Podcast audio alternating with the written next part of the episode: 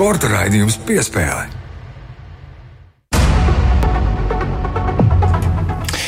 Esiet sveicināti Latvijas radio pirmā kanāla eh, klausītāji. Mani sauc Mārtiņš Kļavnieks, un šis ir eh, iknedēļas sporta raidījums piespēle. Kā jau katru nedēļu šajā laikā, aptuveni 5 minūtes pēc pulksten vieniem dienā, esam kopā ar jums un stāstām par jaunāko sportā. Šoreiz tieši raidē, eh, kā jau katru nedēļu tas ierasts Olimpisko spēļu laikā, arī pagājušajā nedēļā tieši tāda pati kārtība. Drusciņi atkāpjamies no šajā te janvārī iedibinātajām tradīcijām un, un to, kāds bija raidījuma izkārtojums un um, sirds, tā saucamais raidījums sirds, uh, dažādas rubrikas un, un arī mm, iknedēļas uh, sporta notikuma analīze, kā tas bija kopā ar Māru Bergu, kad viņš varēja būt šeit ar mums studijā, jo um, nu, šobrīd viņš ir Pekinā, joprojām 7000 km attālumā un uh, vēro visu, kas notiek tur uz vietas Pekinā.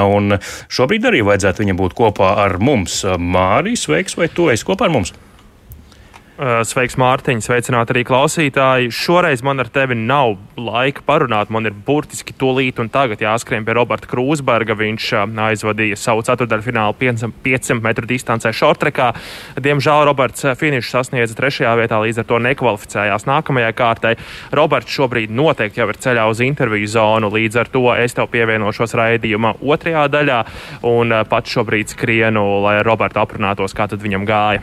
Jā, laidīsim Māriju pildīt savus darba pienākumus tiešos, un uh, raidījums piespēle gan uh, skanēs.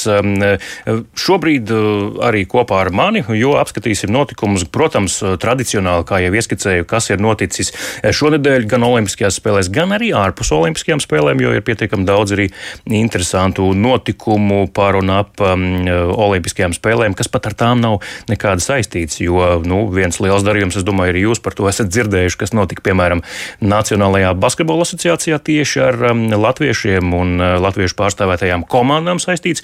Labā ziņa, nu, tiem, kuri varbūt vēl nezina, labā ziņa tā, ka par tām pašām komandām vien būs jātur īkšķi Dallas Mavericks un Washingtons Wizards, bet Dāvis Bartāns un Kristaps Porziņš gan apmainījās uh, komandu pierakstiem. Uh, turpmāk Kristaps Porziņš pārstāvēs Washingtons Wizards vienību, bet savukārt mm, Dāvis Bartāns spēlēs Porziņu līdz šim pārstāvētajā Dallas Mavericks klubā. Jā, par to droši vien arī pavisam pavisam noteikti ar Māri parunāsim, kā tas ir, ka divi latvieši iesaistīti šādā milzīgā maiņas darījumā. Ieskicējuši arī nedaudz vairāk par to, ko vēl šajā te iknedēļas notikuma topā šonadēļ ar Māri, kad viņš atgriezīsies atkal pievienosies raidījumam piespēli drusku vēlāk. Parunāsim tātad, jā, nu, NBA maiņa, šī Kristaps Porziņš pret Dāvi Bartānu un, un vēl daži spēlētāji tur iesaistīti, bet latviešu līdzutējiem skaidrs, ka viss interesantākie tieši šie. Par to parunāsim, par šo darījumu, drusku pāanalizēsim arī to. Pauls Jonas, Latvijas labākais motokrosa braucējs, MXGP klases pārstāvis arī ticis pie jaunas komandas, ja pagājušajā sezonā viņš pārstāvēja GAS, GAS vienību. Tur tas pat nebija tā īsteni līdz galam, katrā niansē profesionāli. Ja mēs um, par profesionālo sportu devējam to, ka pašam atlētam ne par ko nav jāmaksā, tad šoreiz gan bija tā, ka um, nu, uh, pagājušā sezonā Paulam kaut kādi personīgi ieguldījumi bija jāveic, lai šajā komandā brauktu, un pilnīgi viss nebija nodrošināts. Tagad viņš ir atgriezies Huskvarna komandā, un tur atkal jau sev labi zināmajā vienībā, kur iepriekš pārstāvējis, visam būtu jābūt uh, visaugstākajā līmenī līmenī, nu, nedomājot, ka varbūt Gaskas komandā kaut kas nebija visaugstākajā līmenī, bet, eh, kā noprotams, tad tie nosacījumi, um, līguma nosacījumi, kāda ir Paulam Jonasam, vismaz eh, Huskvarna komandā ir labvēlīgāki viņa profesionāļa statusam. Nu, protams, kā arī nedēļas sporta apskatā būs arī Olimpiskās spēles. Eh, Olimpiskās spēles jau sākās 4. februārī. Pagājušajā raidījumā piespēle apskatījām pirmos latviešu startus, jo bija aizvadīts pirmās divas dienas tur. Un, um, nu, rezumēt, uh, bija maz ko, bet nu, tagad jau vēl viena nedēļa piepulcējusies Olimpisko spēļu norišu dienu skaitam, un līdz ar to ir daudz vairāk ko analizēt un apskatīt. Un, starp citu, nemaz daudz, uh, tik daudz nav arī palicis vai atlicis vairs mm, līdz Olimpisko spēļu noslēgumam, jo jau 20. februārī noslēguma ceremonija, tā arī diena, kad, uh, protams, bobslēja četrnieki izšķirošie mači, varbūt Latvijai, kas zina, varbūt vēl kāda medaļa iebirst tajā medaļu groziņā, kur pagaidām ir tikai viena bronza. Principā četras bronzas medaļas tās ir, bet uh, formāli tikai viena, jo ir četri cilvēki, kuri katrs izcīnīja pa bronzai, bet kā komanda. Tāpēc uh, medaļa, medaļa ieskaitē ir viena, bet uh, fiziski medaļas ir četras. Tātad Latvijas stafetes komanda kamriņu sportā Elīza Tīruma, arī Kristers Aparjots, Mārtiņš Bots un Roberts Plūme divnieks izcīnīja bronzas medaļas, um, un tas ir viens no spilgtākajiem notikumiem arī, protams, um, pagājušajā nedēļā Latvijas sportā tāpēc arī par to, protams, nedēļas topā arī runāsim. Eh, nu, ar Māri arī mēģināsim pāanalizēt visu to, kas eh, vēl bez tā ir noticis Pekinā. Gal galā arī tur bija dažādas peripētīs par un ap hokeja izlasi, jo um, viens no notikumiem ir tas, ka hokeja turnīrs ir sācies vīriešu komandām. Latvijas izlase nu jau aizvadījis visas trīs apakšgrupas spēles. Tagad atletikai noskaidrot pretinieku astodaļu finālā, pret kuru būs jāspēlē. Nu, tad šo spēli uzvarēt, iekļūt ceturtajfinālā un būt olimpiskajā astoņniekā, kas ir Latvijas izlases pirmmērķis. Bet par peripētijām runājot, tad jā, nu, Mārtiņš Karsums, Latvijas hokeja izlases pieredzējušais uzbrucējs, joprojām atrodas pašizolācijā. E, nevar, tātad, jā, nevar piedalīties ne treniņos, ne arī spēlēs. Līdz ar to viņiem e, principā arī jādzīvo nostāk no komandas, viņš ir izolēts tik tiešām vārdu vistiešākajā nozīmē. Ar testiem ir interesanti. Ar testiem um, ir dažādi Pekinas Olimpiskajās spēlēs, un eh, te tas ir pozitīvs, te tests ir negatīvs, te nevar saprast pozitīvs vai negatīvs. Kaut kas pa vidu. Eh, Māris eh, Bergs, starp citu, arī parunājās ar Latvijas Hokeja federācijas ģenerālsekretāru Robertu Pļāvēju, un Roberts Pļāvējs izstāstīja, kā tad tie testi mm, tiek veikti, kā tiek iegūti rezultāti un kur ir tā atšķirība starp to, kā Latvijā veids testus, iegūst rezultātus un tos paziņo, un kā tas notiek savukārt Ķīnā. Līdz ar to ir atšķirības, un, ja ir atšķirības, tad par tām arī ir jārunā, un nu, mēģināsim arī to noskaidrot, jo tas ir tas, kāpēc, piemēram, Andris Džeriņš nevarēja spēlēt iepriekšējā mačā um, pret Somiju, jo nebija skaidrs, skaidrs. Viņa tests ir pozitīvs, negatīvs, kaut kur pa vidu viņš ir klasificējams kā pozitīvs uh, covid nesētājs vai tikai kontaktpersona. Nevarēja īsti, īsti saprast. Nu, un vēl, protams, arī šajā raidījumā kāda interesanta intervija, kā jau katrā Raidījumā neatkāpsimies no mūsu uh, ierastajām rubrikām. Šoreiz skanēs rubrika, kas lācītiem vēdrā, un rubrikā, kas lācītiem vēdrā, uh, tur mēs dzirdēsim interesantu interviju ar Latviju Pekinā, kas pats par sevi nebūtu nekas neparasts, jo šobrīd Pekinā ir daudz latviešu olimpisko spēļu dēļ, bet, mm, bet noteikti šī intervija būs īpaši interesanta uh, tiem, kuri jūta līdzi manis jau pieminētajām um, kamaniņu sporta um, veiksmēm veiksmēm un neveiksmēm, arī skeletonam, protams, un jutīs līdz arī bobslējam, jo par trasi atbildīgie ir vairāki latvieši. Protams, Normons Kotāns ir virsvadītājs visam, kas notiek par un ap šo trasi, un eh, Ķīnā dzīvo jau pāris gadus un atbild par to visu, bet eh, tehniski par to, kāds ir ledus, kāda ir profili, vai ir sarma vai sarmas nav mm, eh, pašā konkrētajā trases ledus klājumā. Kāds ir tas konkrētais ledus?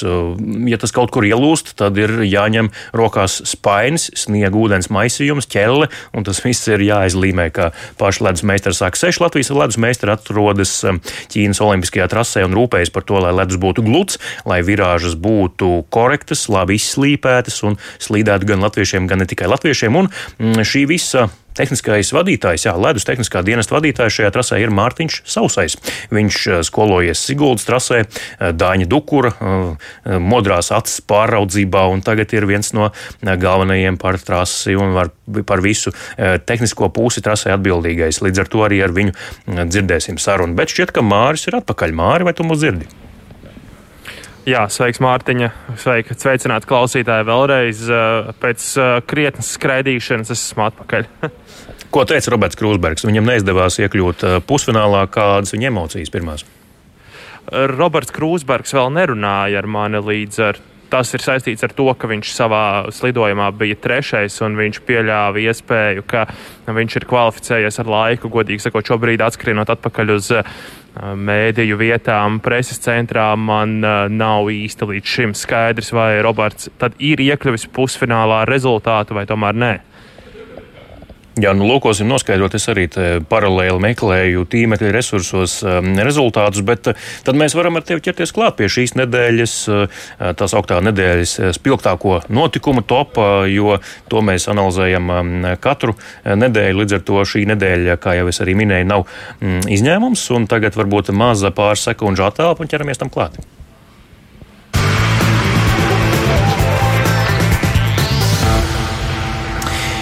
Nedēļas spilgtāko sporta notikumu karuselis skaidrs, ka sāksim ar Pekinas Ziemas Olimpiskajām spēlēm. Māri, tu esi klātienē Pekinā nu jau otro nedēļu. Kā jūties? Zini, mazliet noguris. Godīgi mm. sakot, mazliet noguris gan, gan psiholoģiski, gan arī fiziski ikdienas staigāšana un, un tās visas lietas. Vēlie vakari, agrie rīti, tas, tas ļoti nogurdina un droši vien arī tāds psiholoģiskais nogurums un ilgs pēc mājām ir sakrājušās ļoti pat. Jā, nu, gaidām tevi atpakaļ, bet līdz 20. februārim vismaz tu būsi Pekinā. Kā ir? Tu pagājušajā stāstīji gan par to autobusu, varbūt vēl neorganizētību pašos pirmajos Olimpisko spēļu metros. Kā tagad ir palicis labāk? Nu, vismaz pašā Pekinā tie bija atsevišķi gadījumi, kad bija kaut kāda zināma neorganizētība. Mm, šobrīd eh, ir apmēram tāpat tādas kardinālas izmaiņas šeit es nejūtu. Eh, lielākoties autobusi pienāk precīzi pēc grafika tajā pulksteņa laikā, cikos šiem autobusiem ir jābūt, tie arī ir. Šodien Pekinā pirmo reizi pa divām nedēļām bija nokrišņi, uzsniga diezgan daudz slapja sniega, bet nu, īpaši pēc šejienes standartiem um, Rīgā tā tik daudz sniegums visu ziemu uzsniega katru dienu. Tad uh, šeit, uh, šeit tiešām pirmo reizi divu nedēļu laikā uzsniga sniegs un ir apmākušās debesis. Līdz ar to arī uz ceļiem satiksme nedaudz palēninājās, taču uh, lielos vilcienos varam teikt, ka nu, tā kā bija, tā arī ir kaut kur kaut kas nojūka, bet uh, kopumā diezgan, diezgan precīzi viss strādā. Protams, arī ar brīvprātīgajiem nu, jau kaut kāda kopīga valoda ir atrasta, un kaut kā ir atradušies arī tie brīvprātīgie, kuri labāk runā angļu valodā.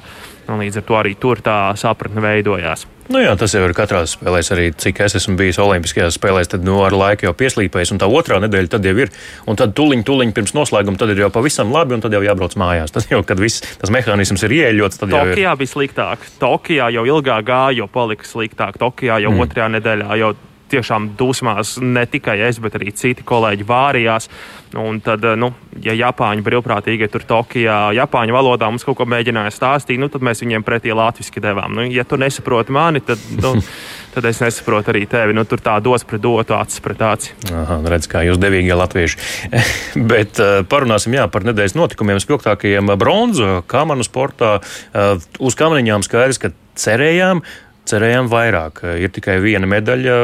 Individuāli neviens eh, nespēja sasniegt augstumus, eh, kas ir medaļas posmē, ne eh, dāmas, ne kungi, ne arī divnieki, bet visiem kopā saliekot galvas un spēkus, tas tomēr izdevās aizsniegties līdz bronzai. Kā tu vērtē šo bronzu? Es te arī jau drusku Pekinas studijā stāstīju, ka jā, daudzinām, jā, varoņi, labi, protams, izcili, bet nevajag aizmirst arī kontekstu. Principā, kā man uz sportā stafetē ir apmēram 6-7 tādas konkurētspējīgas komandas, kas pretendē uz piedestālu. Tas nozīmē, ka mūsējiem bija jāapsteidz nu, 3-4 konkurenti. Nu, pilnīgi pareizi saki, ka manās un vispār Renes sporta veidos ir svarīgs konteksts un um, šī konkurence cik liela tā ir, un būsim godīgi, tā nav pārāk liela. Ir tiešām no 6, 7 valstis, kuras šī, šiem sporta veidiem, ne tikai kamerām, bet arī bobslēm un skeletonam pieiet nopietni. Ar kamerām problēma ir tāda, ka 5, 4, 5, 6 vieta mums liekas slikti. Mēs jūtamies vīlušies par to, ka mūsēji ir sešniekā. Lai gan uh, visu sezonu kamaniņu braucēji mūs, mūs bija pieredzinājuši pie medaļām. Un, ja, ja tu mūs pieredzini pie medaļām, nu, tad uh, jārēķinās, ka to mēs arī gaidīsim Olimpiskajās spēlēs. Nu, diemžēl nesanāca, jā, kā tu teici, individuāli izcīnīt medaļas. Malečka spēja savākties un nobraukt tiešām labus braucienus. Visi, kuri piedalījās stafetē, trešā vieta, atzīstams rezultāts, bet uh, droši vien ir tāda sajūta, ka gribējās vairāk gan no stafetes, kur pie izciliem braucieniem varētu cīkstēties ar austriešiem, gan arī, protams, individuāli varēja, varēja tomēr vēlēties mazliet, mazliet vairāk. Mm. Jā, tā gan. Un, bet tas, kas jāuzslavē, ir, ka, kad Elīza veids pirmo stafetes posmu, tad tur tas laiks nebūtu nebija tas labākais un nebija medaļa ne tuvu. Kristers aparjots devās trasē, viņš drusciņi jā, izglāba situāciju, pacēla komandu drusku augstāk. Nu, un tad Mārtiņš Bots, Roberts Plūme veids to pēdējo finiša spurtu un izrāva to bronzu. Tā kā um, olimpiskie debitanti principā ir tie lielākie līdzautori šai bronzai. Par divniekiem man personīgi ir vislielākais prieks tieši par robotiem, par tā saucamo robotu ekipāžu. Eh, brāļi Šīci, protams, ļoti pieredzējusi ekipāža, arī panākumiem bagāta ekipāža. Atceramies viņu olimpiskās medaļas. Eh, taču tiešām prieks, ka ir arī nākamie, ir, ir ekipāža, kas turpinās brāļu iesākto. Un eh, par viņiem, godīgi sakot, man vislielākais prieks ir, protams, arī Elīzei Tīrumai pēdējais brauciens karjerā, kas noslēdzas ar bronzas medaļu. Arī, protams, vēl labāku veidu, kā pabeigt karjeru, grūti iedomāties. Nu, varbūt vienīgi izcīnot vēl augstāku kaluma godalgas. Uh, taču kopumā par visu šo komandu, kā jau es teicu, ir prieks. Uh, tomēr ir sajūta, ka gribējās vairāk. Gan pašiem gribējās vairāk, gan arī mums, kā žurnālistiem, un, protams, arī visiem, visiem līdzstājiem, kuri skatījās un sekoja līdzi šīm sacensībām. Noteikti gribējās vairāk arī no Mārtiņa Dukura un Tomasa Dukura, jo viņiem 7. un 9. vieta, nu, galīgi Mārtiņam tā trase negāja, un uh, savukārt uh, kopā ar uh, slieču neslīdamību, tas viss rezultējās 7. vietā un Tomasam 9. Uh, tu gan nebija trasē tālis, tur strādāja, bet mm, ko tu vari teikt par Martinu un Tomasu? Gaidījām, arī skaidrs, ka gaidījām vairāk, jo Martins tomēr joprojām arī pasaules kausā bija bieži vien līderis un zelta medaļnieks. Jā, nu kamariņās es redzēju šos braucienus uh, skeletonā. Diemžēl Ķīnas televīzijā man neizdevās uh, pasakot līdzi šiem braucieniem. Grūti teikt, uh, kāpēc tā. Jā, Martins šo sezonu tik un tā, lai vai kā gāja, izcīnīja pasaules kausu. Tas nozīmē, ka tādā ilgtermiņā viņš tik un tā joprojām ir labākais. Bet skaidrs, ka Olimpiskajā sezonā zināmas paslēpes tiek spēlētas, netiek kaut kur izmantota labākā tehnika, tiek eksperimentēts un tam līdzīgi. Nu, grūti pateikt, droši vien arī no Martina gribējām vairāk, arī no Tomasa cerējām vairāk, bet uh, kā Mārtiņš ir izteicies arī intervijās, un to starp mūsu kolēģim Tālim, ka šī trase viņam tā arī palika neatkosta, ar šo trasi viņš nespēja sadraudzēties līdz galam, un līdz ar to tas rezultāts no droši vien ir kaut kādā mērā likumsakarīgs. Un, un tas, ko arī viņš pats ir teicis, ka ķīnietis, kurš praktiski visu sezonu nestartēja pasaules kausa apritē, tikai braukāja pa savu mājas trasi, atnāk un nobrauc un izcīna bronzas medaļas. Nu, tas sporta veids par tādu ir kļuvis, jā, ka tu piebrauc savu trasi un tur iegūst medaļu. varbūt, varbūt, ja Stokholma būtu ieguvusi nākamās Olimpiskās spēles, tad uh, Martinam noteikti būtu papildus dzinuls vēl tomēr mēģināt tos četrus gadus kaut kā, kaut kā vilkt un mēģināt savā māju trasē Siguldā, kur viņš tiešām droši vien varētu arī ar aizvērtām acīm un atmunkuriski nobraucot uzvarēt. Jā, bet, diemžēl, pasas dati tad jau teikt, ka viņam ir 42, un tas varētu arī nu, vairs nebūt konkurētspējīgi starta ziņā vismaz. Bet, nu jā, tas tā filozofējot, bet par Martinu palika tāda pēcgarša līdzīga, kā bija Mārim Strombergam Rio spēlēs 2016. gadā, kur es arī biju klātienē. Viņš viso, pēc visiem treniņiem viņš nu, nedaudz lika noprast, ka trase īsti nav viņam pa spēkam, bet tomēr saglabāja to ilūziju un pro, caur tiem profesionālajiem uh, komentāriem un atbildēm uz jautājumiem sacīja, ka visam būtu jābūt kārtībā, atkodīsim, uh, izdomāsim un būs labi, jābūt labi. Bet pēc tam, kad viņš tik tiešām netika tālāk par ceturtajā fināla braucieniem, viņš jau teica, nu, es jau no sākuma zināju, ka te nekas nebūs. Vienkārši nu, man bija jāsaka jums tas, kas man bija jāsaka. Un pašam sev varbūt jāmēģina pārliecināt Martinam.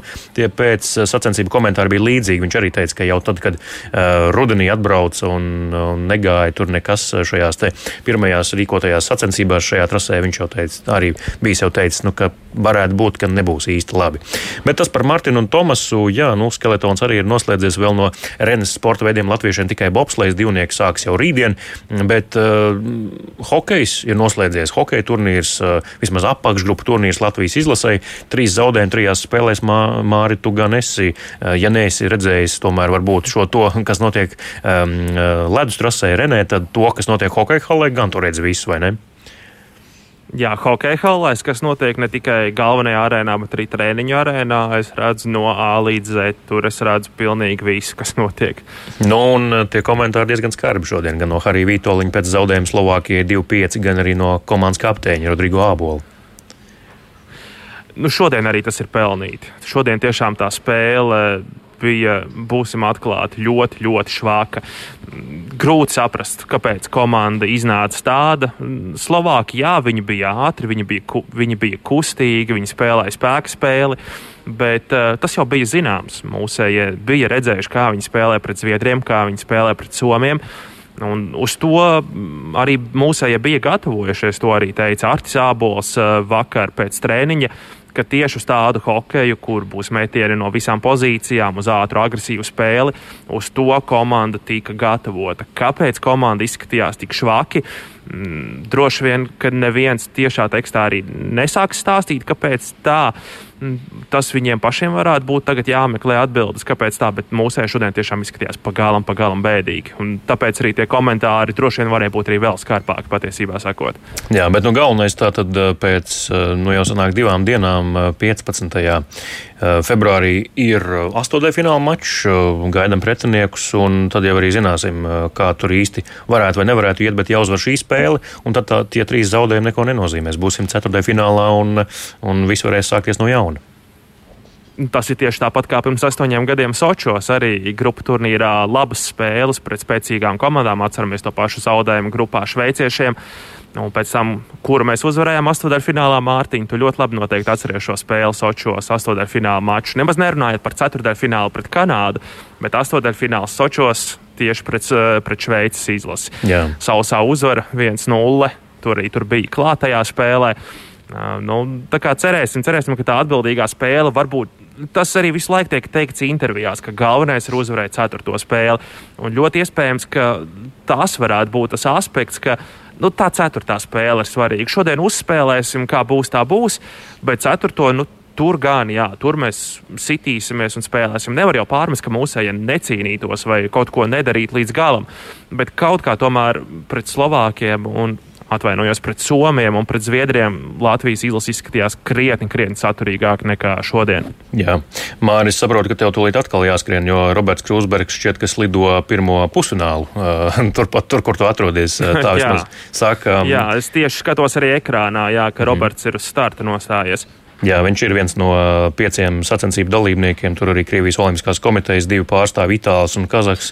Tā kā, jā, laidīsim tev droši vien atpakaļ, ja esi pievienojies atkal mums šeit studijā, bet mēs tikmēr, jā, pārtraucam pagaidām vismaz uz brīdi mm, nedēļas spilgtāko notikumu apskatu. Palikām tātad pie Olimpiskā hokeja. Nu, turpinājumā vēl jāapskata daži labi neolimpiskie notikumi, bet to tad, kad Māris atkal atgriezīsies pie mums raidījuma noslēguma daļā, bet šobrīd jau iepriekš pieteiktā intervija un viena no iknedēļas rubrikām. Šoreiz rubrika, kas lācītiem vēderā, un tur saruna ar um, Mārtiņu Sauso, Pekinas uh, Ziemas Olimpisko spēļu, ledus trases uh, tehnisko direktoru, tāpat viņu varētu nodēvēt, jo viņš ir atbildīgais par visu tehnisko, gan par ledus sagatavošanu, gan par ledus saldēšanu, saldēšanas iekārtu darbību un visu to, kā tas um, viens ar otru ir sajūgts. Uh, un, protams, arī par saviem kolēģiem, kopumā seši ledus meistari no Latvijas un arī no citām valstīm. Mārtiņš sausais pastāstīs pats.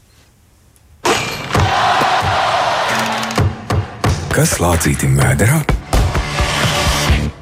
Esam sazinājušies ar Ķīnu. Protams, jau otro um, raidījumu pēc kārtas runājām tikai un vienīgi par Olimpiskajām spēlēm Pekinā un kā gan citādi, ja tas ir uh, šī brīža pasaules sporta centrālais notikums. Un, uh, Latviešu tur ir daudz. Esam jau jums stāstījuši par tiem latviešiem, kas varbūt nav redzami televīzijas ekrānos, kas tur kaut kur aizkadrā paliek. Un viens no tiem ir arī mans nākamais sarunu biedrs. Trases, Pekinas ledus trases ledusmeistars Mārtiņš Sausais. Sveiks, Mārtiņ! Sveiki!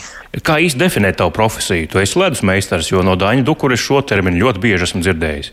Jā, tas, tas arī būs pareizi. Esam ledus meistari, kas, kas taisa bobslēd trases. Kāda ir Ķīnas trase un cik daudz jums tur ir darba darāma? Sagatavot trases esot izcili, tā ir teikuši kamniņu braucēji, tā ir teikuši skeletonisti. Es domāju, arī bobslēdis pēc treniņiem to pašu varētu teikt, ja viņiem jautātu, cik daudz darba tur bija, kad tu tur devies un kā tu vispār tur aizbrauc. Mēs ieradāmies uh, augusta beigās jau Un tad uh, atsēdējām karantīnu, un tad, un tad jau sākām septembrī lēnām būvēt trasi. Oktobrī mums bija starptautiskie treniņi oficiālie bobslēgam skeletonam, un pēc tam novembrī sekoja kamenas. Un darba, darba, darba ir daudz, jo trase, trase ir gara. Un tās visas virāžas ir milzīgas, garas, augstas, visas pārējas ir garas. Jūs esat vairāk latviešu, vai tu vienīgais pārstāv Latvijas uh, valsti un vārdu un karogu? Mēs esam kopā seši latvieši, četri krievi, trīs kanādieši, divi francūži un viens austrālis.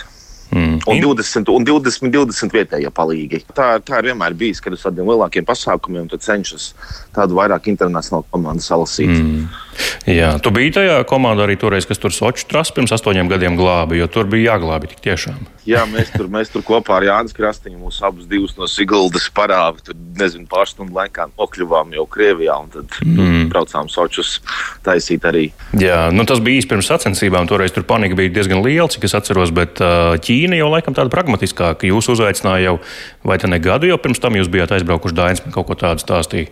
Un tad jau tur jau, jau, jau ķīnieši jau mācījās no jums, un tad esat arī šobrīd jau ļoti laiks pirms spēlēm šeit bijuši. Jā, mēs jau mēs bijām uz trases pirmo homologāciju, kas bija paredzēta kad, ne 20. gada sākumā, bet tad sākās Covid, un tā homologācija atcēla. Un tad, un tad mēs atkal ieradāmies pagājušo sezonu, arī kaut kad augusta beigās, un tā mēs pavadījām līdz marta beigām. Pilnu, pilnu sezonu šeit bijām, taisījām, taisījām trasi. Tas nozīmē, ka tas plāns, kādam tam ledum jābūt, kādiem profiliem, tas viss principā ir jau no sā, paša sākuma latviešu meistardarbs. Ja? Jā, jā, tas ir no, no pirmās dienas, kā trase, kā ķīnas trase sākusi strādāt. Tā, tā, tā mēs, mēs esam bijuši no pirmās dienas. Nu, tā skaidrs, ka tā ir niša, bet cik jūs vispār tādu pasaulē tādu līmeņa speciālistu ir? Latvieši tiešām ir, un jūs šīs sešnieks un komanda ir viena no labākajiem pasaulē kopumā arī. Es, es tā gribētu domāt, jo meistaru, teiksim, tiešām godīgi, ka to meistaru nav tik daudz pa pasauli. Jo tās trases ir eh, kopā 16 vai 17 trases, bet ne visās tā ledus kvalitāte ir tā labākā. Un tad, un tad tos meistarus īstenībā ir grūti, jo mums arī uz šo sezonu salasīt to komandu bija beigās diezgan grūti nokomplektēt. Kā tu nonāci līdz ledus skrāpēšanai Sigūdas trasē? Uh, tas bija cik tas bija entos gadus atpakaļ. Bija tā, ka pa, pa vasaru vajadzēja kaut kur uh, piestrādāt, meklēt darbu pa vasaru. Un tad uh, es nonācu uz Siguldas bobslēta trasē. Nu, tur kā palīdzīgs strādnieks kaut ko pavasarī piepalīdzēt. Un vasaras sezona noslēdzās. Un tad uh, Dainis, Dainis Dukurs jautāja, vai, vai es negribētu uz ziemu palikt, jo viņi tieši meklēja jaunus, jaunus darbiniekus arī ziemas sezonai. Un tā toreiz es piekritu, un tā jau līdz šai baltai dienai strādā ledus. Patīk darbs. Jā, protams, jo savādāk šo darbu nevarētu darīt. Ja viņš, ja, ja viņš tev nepatiktu, tad, tad es domāju, nekādā variantā tu nespētu viņu darīt. Mm. Kur ir tas kaifs, kur ir tā, nu, tas meķis, kāpēc tas ir tik nu, teiksim, patīkami, aizraujoši, arī jēgpilni, protams. Tas, ka tu redzi rezultātu, ka varbūt trasti jums iedod nesagatavot un tu izveido to visu no nulles, uzcēl un bez maz vai visu to ledus profilu, un tad sportists saka paldies, brauc, slīd, viss kārtībā. Protams, tas ir, tas ir pats labākais, kad tu pieņemsi, tagad, kad tev iet Olimpiskās vai, vai pasaules kausa vai pasaules čempionāts, kad kad tu redzi, kā viņi brauc, un kad tev treneris pienāk un pasaka, paldies, ka trase, trase bija ļoti laba. Tā, tā gandrījuma sajūta par to paveikto. Jo pa lielam tas arī ir milzīgs izaicinājums, jo tu nekad nezini. Katra diena kā liels piedzīvojums. Tu, tu nevari zināt, kā, kā tā diena izvērtīsies. Varbūt trasē būs ļoti daudz kritienu, vai laikstākļi tur būs pārāk mm. augsts, un to, to trasi vienkārši iznīcinās. Un tev ir daž, dažreiz pat divu stundu laikā jāsaglabā, lai, lai varētu notikties nākamie treniņi jau. Bet nu, trasi jau, nu, ja, ja tu esi viens no šiem izveidotājiem, kā tu jau stāstīji, ka jūs principā no paša sākuma jau sākāt darboties ar šo Ķīnas trasi, vai jūs, latviešu komanda, arī vairāk piedomājat, lai tik tiešām e, tur vietējos apmācītu visās niansēs, lai viņi šo trasi tādu arī uztur, jo tomēr, ja jūs tik daudz darba esat ieguldījuši, negribētos redzēt, ka pēc gada, varbūt, ja tur vispār kādas sacensības notiks, tad tā trasa būs nolaista ar nepareiziem profiliem un, un nepareizi sagatavots lēts būs. E, piedomājat pie tā, ka jāatstāj tas mantojums arī vietējiem, lai viņi tā to māca arī uzturēt nākotnē? Protams, protams, tā ir viena no mūsu galvenajām sastāvdaļām, ka mums ir jāapmāca arī vietējie, lai tā trase spētu eksistēt arī, kad mēs, mēs aizbrauksim mājās.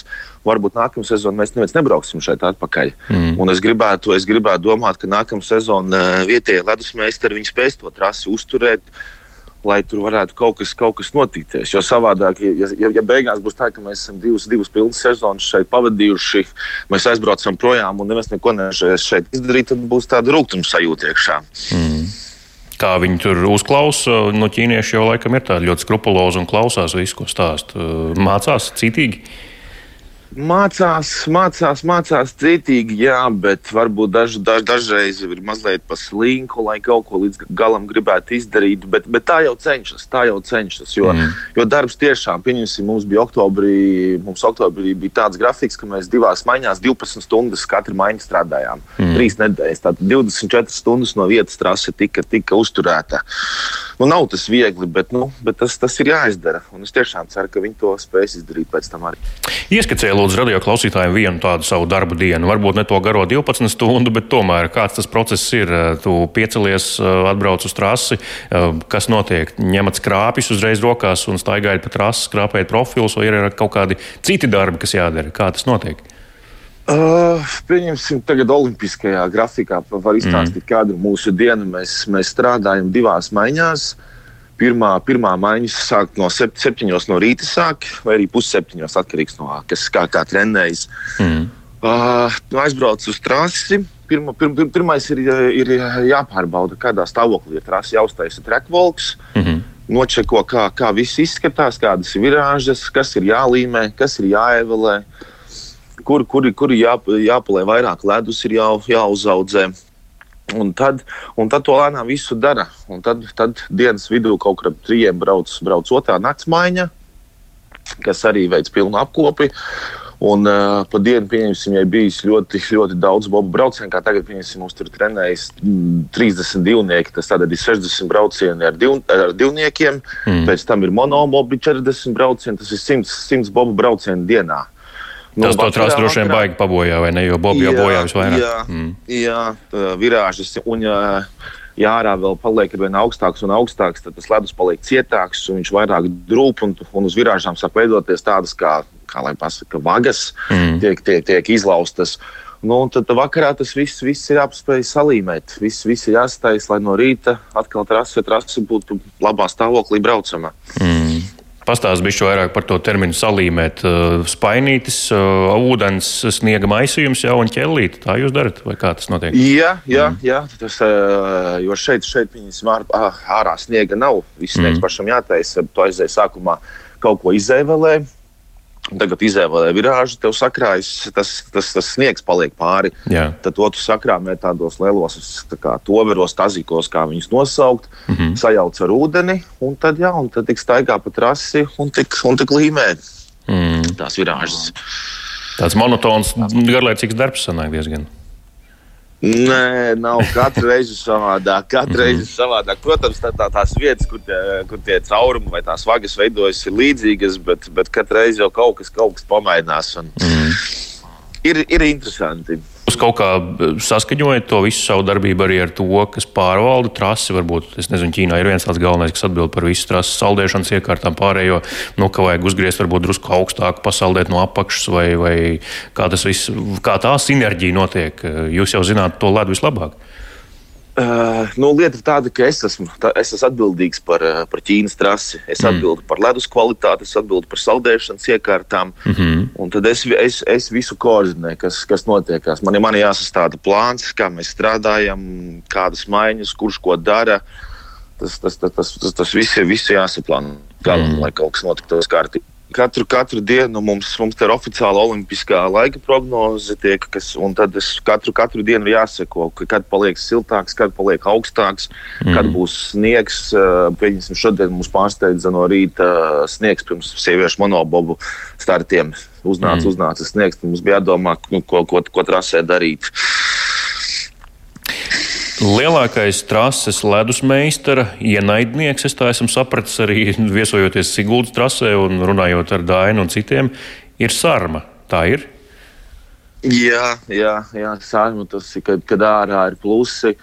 un uh, liels mitrums, tad tas ir tā aizsārmjā, kas mm. viņā, pieņemsim, tu sagatavo trasi, iedod, iedod treniņu, un tev jau pēc 20 minūtēm visa, visa, visa, visa trasa jau ir ar, ar sārmu klāta. Mm. Un tas, tas samazina ātrumus, un, un, un neviens negrib braukt pa ledu, kur, uz kurai sārma. Mm. Un tad jums ir intensīvāk daudz jāstrādā, jāiet, un, un tas viss jādabū nost. Jā, jā, jā tad, tad, tad tās dienas ir saspringtākas, jo visu, visu laiku tev pat, tev pat nav laika tās virāžas līmēt vai evolēt. Tev ir tikai visa diena jāpavada to sarmu noņemot no virāžām. Mm. Ķīnā, es saprotu, ir pietiekami stabili mīnus. Ja tagad sacensību laikā bijuši, nav bijušas nu, šādas sarmas dienas, vai, to, vai tomēr ir? Nē, nē, nav. Mums kopš pirmās dienas mums ir, mums ir pastāvīgi mīnus ārā. Mm. Pa dienu var būt plus viens, plus divi, bet šeit ir ļoti, ļoti savs gaiss. Tas, tas nāk laba, pa labu priekš mums. Mm. Tā saruna mums tagad jau kādus divus, divus mēnešus nav bijusi vispār saruna trasē. Mm. Tas, ir, tas, ir, tas ir pozitīvi. Piespēle. Atgriežamies studijā, Doma laukumā. Mārtiņš Kļavnieks šeit un tik, tikko dzirdējām Mārtiņu Sauso Pekinas Ziemas Olimpisko spēļu ledus trases tehnisko direktoru. Tā laikam mēs viņu varam dēvēt. Viņš pats īsti vēl arī konkrēti nevar pateikt savu amatu, bet atbildīgais gan par ledus stāvokli, lai ledus būtu labs, virāžas pareizi izveidotas un, un arī kopumā tehniskais stāvoklis trasē būtu atbilstošs sacensību ritmam. Bet tik, tikko beigušās sacensības arī šortrekā. Pekinā, kur Roberts Krūsbergs piedalījās 500 metru distances pusfinālā. Nu, diemžēl palika pēdējais piektais no pieciem, un tālāk netika ne A finālā, ne arī B finālā, bet uh, Māris ir atpakaļ. Māris, sveiks vēlreiz! Jā, Mārtiņ, es esmu atpakaļ, un man tevi tagad ir jālabo. Jo pusfinālā Roberts tik tiešām, uh, jā, Roberts tik tiešām nofinišēja piektais. Bet uh, sacensību pēdējā aplī, priekšpēdējā aplī viņu izstūma. Kā rezultātā viņš nevarēja pacīnīties par labāku pozīciju. Un, uh, nu, kā jau Roberts izstājies pusfinālā, kā, nu, tad viņam ir jādodas uz interviju zonu runāties ar žurnālistiem. Un, uh, tieši tik, tikko bija beidzis runāties uh, ar Robertu, kurš pauda vilšanos par to, ka tiesneši nepiešķīra sodu konkurentam un ka viņš netika pie iespējas lidot vismaz B finālā. Um, Roberts tikko bija beidzis ar mani runāties, un pie manis pieskrēja Latvijas Olimpiskās komitejas viena no preses pārstāvēm un rāda, ka Roberts tomēr ir B, B finālā. Un, uh, tieši tajā brīdī ieskrēja arī viens no Roberta treneriem un arī teica, uh, Robi, nāc šurp, ir uh, jāiet uz B fināla slidot. Līdz ar to šis ir viens no tiem brīžiem, kad uh, tu esi pagalam sāšļucis vienā brīdī, un nākamajā brīdī tu jau esi ļoti, ļoti priecīgs un uh, skrien apakaļ slidus kājās vilkt. Tev mākons uz galvas līst, un pērkons un zibens, un te pēkšņi saulīt uzsmaida, un viss ir brīnišķīgi, vai ne? Nu, šeit Robertam tiešām ļoti, ļoti uzsmaidīja saulīt. Droši vien arī konkurenta diskvalifikācija šajā cīņā bija pelnīta, un viņš bija pelnījis šo vietu, jo konkurence viņam tiešām patraucēja pacīnīties par pozīcijām un izcīnīt šo vietu A vai B finālā. Tad tagad jāgaida B fināls septiņas minūtes pēc diviem dienām pēc Latvijas laika. Ja klausāties piespēli šobrīd tiešraidē, ja atkārtojumā tas jums nav vairs aktuāli, bet jā, pēc diviem uzreiz arī būs B un A fināli. Nu, vismaz man nebūs jāskrien tagad, nekur es varu vismaz mazliet elpi. Ja cilvēki tā skraidīšana šurp turp, es knapi paspēju attālpoties pirms sākt runāt. No Olimpiskās spēles tomēr jābūt formā, kā nekā. Bet, uh, jā, jā, labi, labi, ka esmu formā. Jā, jā, tad tur viss kārtībā. formā Olimpiskā, kā uh, ir tas teiciens. Bet... Arī fiziskajā formā, arī hokeja varētu iet spēlēt, ja vajadzētu. Jā, nu, izlasēji noderētu, jā, kāds palīgs šobrīd, laikam pēc šodienas spēles, bet tas cits stāsts. Bet, nu jā, tā tad notikumi mainās strauji, tas arī pierādās. Lūk, arī tiešraidē dzirdam jaunumus un, un, un jaunāko no Pekinas. Māri, mums vēl palika dažas astītes, kas, kurām jāpārkāpj pāri nedēļas spilgtāko notikumu sakarā. Nu, tad skaidrs, ka par olimpiskajiem notikumiem izrunājām, bet vēl paliek arī neolimpiskie. Un, vai cik daudzi cilvēki bija, kā saka, uz pēcpuses šonadēļ, kad notika maiņas darījums Nacionālajā basketbola asociācijā. Tas, ka Dāvis Bērtāna aizmainīs no Vašingtonas Wizards uz kādu citu komandu, par to baumoja jau sen. Viņš tur vairāk sēdējis soliņā nekā pavadīja laiku laukumā. Un uh, ir jau, es domāju, jau ierūsējis arī viņa tāmetiens, sen nav to izmēģinājis. Viņš dodas uz Dallas Mavericks komandu. Ir tur jau šīs komandas rīcībā. Šorīt gan vēl nespēlēja, bet uh, jā, tas milzīgais pārsteigums pārsteigums tas, ka Kristaps Porziņš dodas pretējā virzienā uz Vašingtonas Wizards komandu.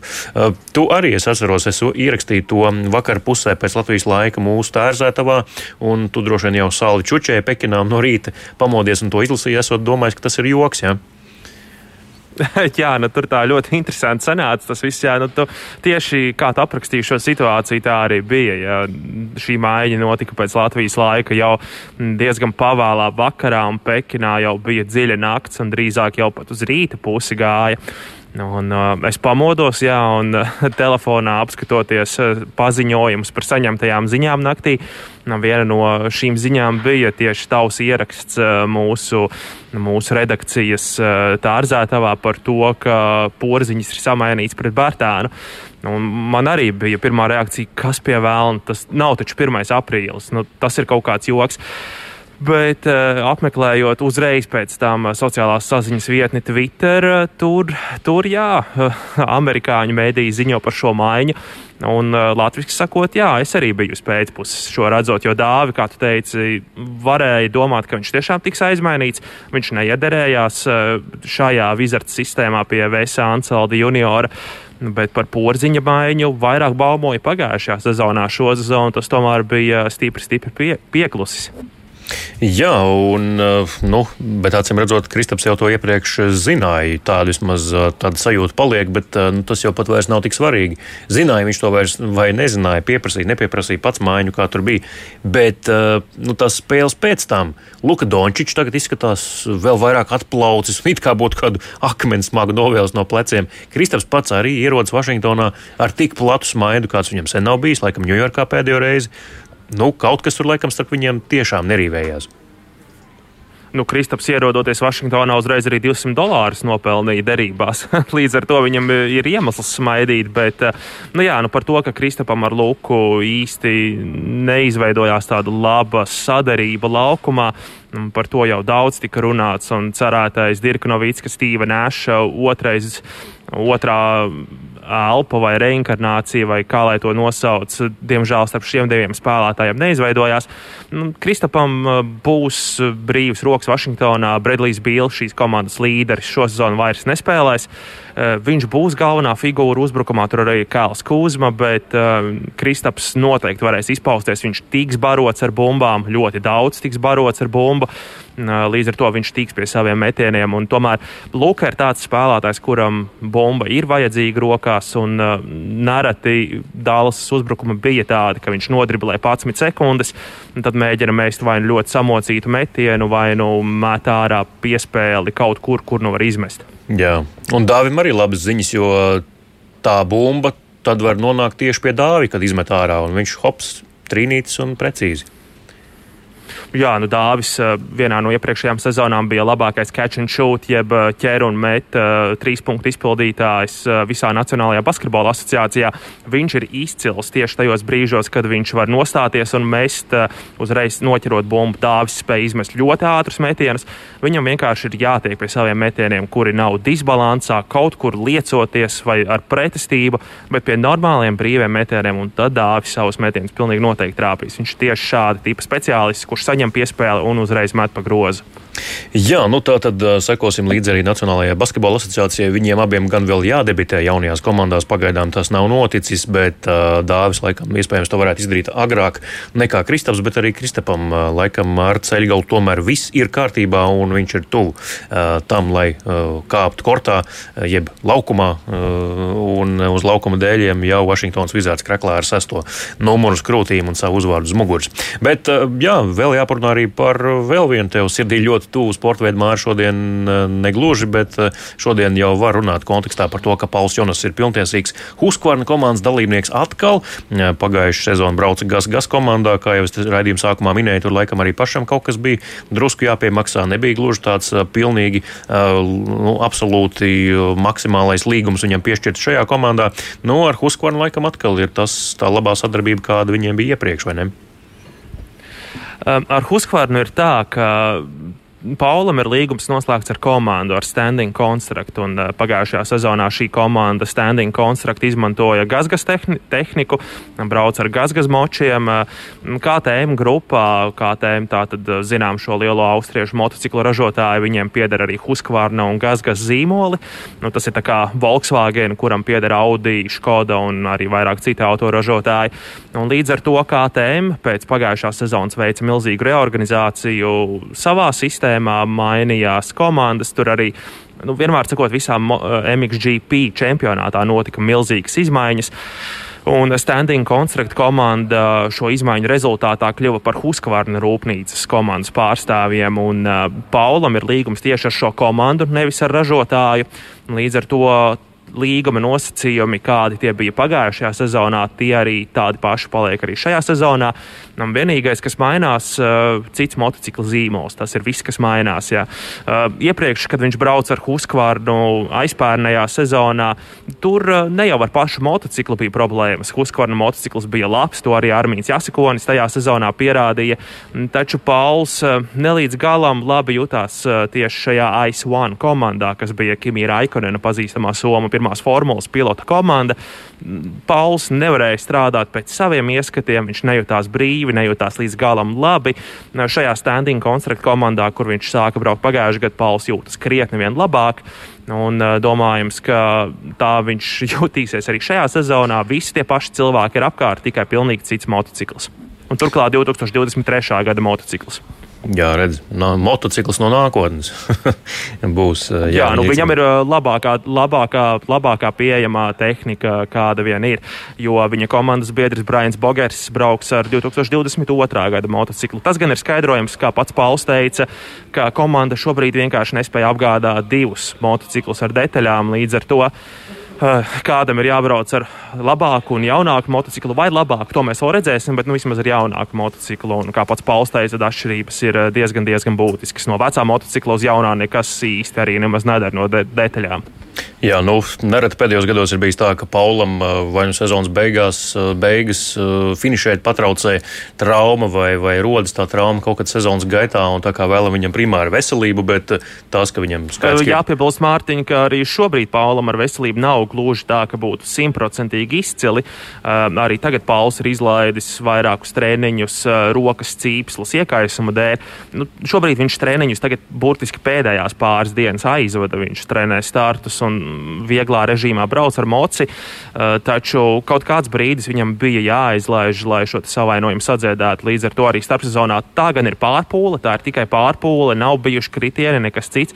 Eh, pārpūles rezultātā Paulam izveidojās iekaisums, un viņš pats ir diezgan pārliecināts, ka Lielbritānijā nākamā nedēļa, nākamajā svētdienā jau pirmais posms Lielbritānijā, viņš ir pārliecināts, ka tur šai problēmai vairs nevajadzētu traucēt. Jā, nu novēlam, lai tā arī būtu. Veselība Paulam un arī sekmes uh, MXGP klasē pasaules uh, čempionāta ieskaitē. Paldies, Māri, uh, ka biji pievienojies raidījumam piespēle ar pārtraukumiem gan, bet, bet tas ir uh, olimpiski. Tāda ir olimpiskā ikdiena, ir jāpievēršas arī darbiem. Un tad, kad uh, nav aktuālo darbu, tad var parunāt arī sporta raidījumā piespēle. Bet uh, katrā gadījumā jāsaka tā, ka. Uh, Cerams, ka arī Robertam uh, Krusbergam veiksies arī mm, B finālā. Viņš tā tad jau uh, neilgi pēc pusdien diviem tur startēs, un uh, tam visam jābūt arī kārtībā. Tā kā paldies tev par šo ziņojumu un turies tur Pekinā. Jā, paldies. Un nākamnedēļ, ja šonadēļ es atkal sēžu šortrika un daļsadošanas hālas preses centrā, tad nākamnedēļ jau nu gan es ceru atrasties pilnīgi citā vietā šo raidījumu vadot, bet kur es atradīšos, par to mēs jau runāsim pēc nedēļas. Jā, to pagaidām paturēsim noslēpumā. Tā tad vēl nākamā piespēle šādā pat režīmā, kad mājas ir attālināta. Un es šeit Doma laukuma studijā, tas ir šis olimpiskais režīms. Mājas būs atpakaļ aptuveni 22. februārī šeit Latvijā. Un tad jau februāra pēdējā piespēle pēdējā mēneša svētdienā gan skanēs ierastajā ritmā, gan kopā ar Māri, gan kopā ar Gunāru Jākapsonu, kurš tātad pagājušajā, pagājušā mēneša pēdējā svētdienā atgriezās. Sporta redzījumā piespēle pēc ilgākas prombūtnes bija viņam saruna ar Hariju Vitoļu. Ja nedzirdējāt to droši, varat noklausīties šī raidījuma ierakstu. Meklējiet to tīmekļa, tīmeklī Latvijas radio lapā, arhīvu sadaļā vai arī sameklējiet raidījumu piespēli. Tāpat arī, protams, jebkurā sev vērtā raidierakstu jeb podkāstu klausīšanās vietnē. Tur arī meklētājā jāraksta raidījums piespēle, un tad atradīsiet visu, ko vien vēlties šajā raidījuma sakarā atrast. Nu, arī, protams, Gunārs Jākapsona intervija. Kas tad būs Gunārs Jākapsona viesis nākamā svētdiena, to vēl neteikšu, bet jā, pēc nedēļas gan, kā jau atgādinu vēlreiz, ka vēl joprojām šis te olimpiskais režīms savukārt, nu, tad gan februāra pēdējā svētdiena atkal jau ierastajā režīmā. Paldies, ka klausījāties, paldies, ka bijāt kopā ar mums un dariet to arī turpmāk un klausieties arī nākamnedēļ atkal raidījuma piespēle, kad studijā būšais Mārtiņš Kļavinieks, bet attālināti pievienosies Māris Bergs. Līdz nākamajai svētdienai!